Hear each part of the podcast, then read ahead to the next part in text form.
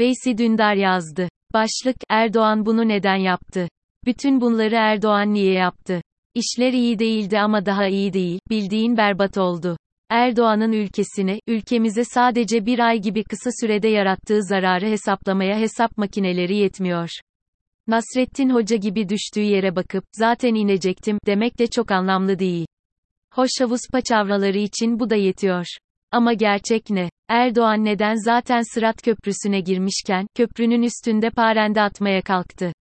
Bu sorunun cevabını doğru vermezsek geleceğe dair söyleyeceklerimiz de yanlış olacaktır. Kritik sorular aslında işin özünü açıklar.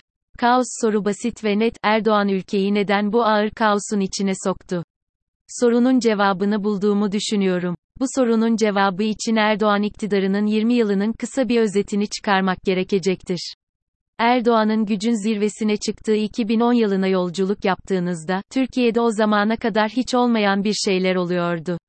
Türkiye'de ilk defa uzun vadeli finansmanla konut satılabiliyordu. Türk lirası üzerinden 10 yıl vadeyle borçlanıp ev alabilen Türkiye Cumhuriyeti vatandaşları, AKP'yi akılların alamayacağı bir fırsatı sundu. Müteahhitlerin şehir rantlarını kullanarak betonu yuvaya dönüştürme projesi, AKP için görülmedik bir büyümeye imkan veriyordu.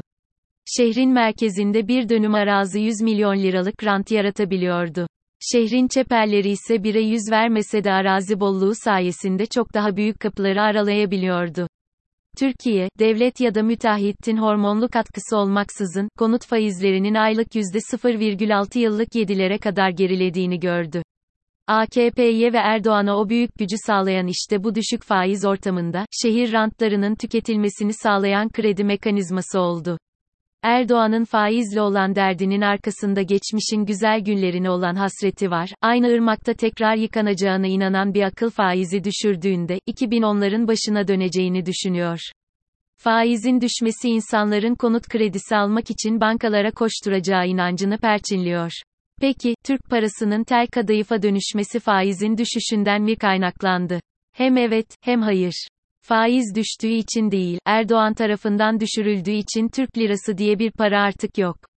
Erdoğan'ın hayalini kurduğu Müslüman toplumu, ancak çok paraya hükmederse ve ondan başka kimsede paranın hakimiyeti olmazsa yaratacağına inandığını artık iyi biliyoruz. Erdoğan bu yolda önüne çıkan hiçbir şeyi dikkate almadı. Buna kendi halkının da dahil olması bunun en acı sonuçlarını verdi. 7 Haziran 2015 seçimlerinde Erdoğan'ı istemeyenler, Erdoğan'ı isteyenlerden tam %50 fazlaydı. Hani o Erdoğan hiç seçim kaybetmedi palavrası var ya 2015 7 Haziran'ında oyları parça pinçik oldu. 7 Haziran'dan sonra Erdoğan iktisat alanında kazandığı, kazandırdığı her değeri tüketerek iktidarını halkına karşı korumaya çalıştı. Bütün ideolojik liderler gibi yanılgısının esiri oldu. Ben halkımın iyiliğini ondan iyi bilirim, diyerek tam 6 yılı tüketti. 2018 Haziran seçimleri için Mehmet Şimşek icadı 220 milyarlık KGF balonu ile uçan Türkiye bilançosu, seçimden sadece 2 ay sonra kurun 7.5 lirayı görmesiyle patladı. Türkiye başkan seçtiği Erdoğan'a sene geçmeden en büyük 3 şehrini vermedi. Zaten 2018 seçimleri de mühürsüz oyların ve Üsküdar'a geçen atlının zaferinden ötesi değildi. Erdoğan tarihte benzeri çok olan ideolojiye tutsak olmuş liderler gibi, ülkeyi kendi aklına göre şekillendireceği yanılgısına düştü.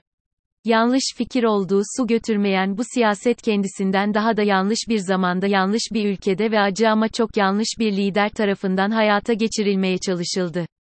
Bunca yanlıştan doğru çıkmayacağı aşikardı. Fakat Erdoğan için vazgeçmek yok olmak demek. O yüzden hiç tereddütsüz faizi düşürdü. Faiz düşünce her şeyin eskisi gibi olacağını düşünüyordu. Herkes koşarak ev alacaktı. Bu basit akıl yürütmeden başka izahı olmayan politikanın mizahını bile yapacak hal kalmadı. Erdoğan, kitabını yazdım, dediği ekonominin kaidesiyle baş edemeyince, Kur'an'a sığındı.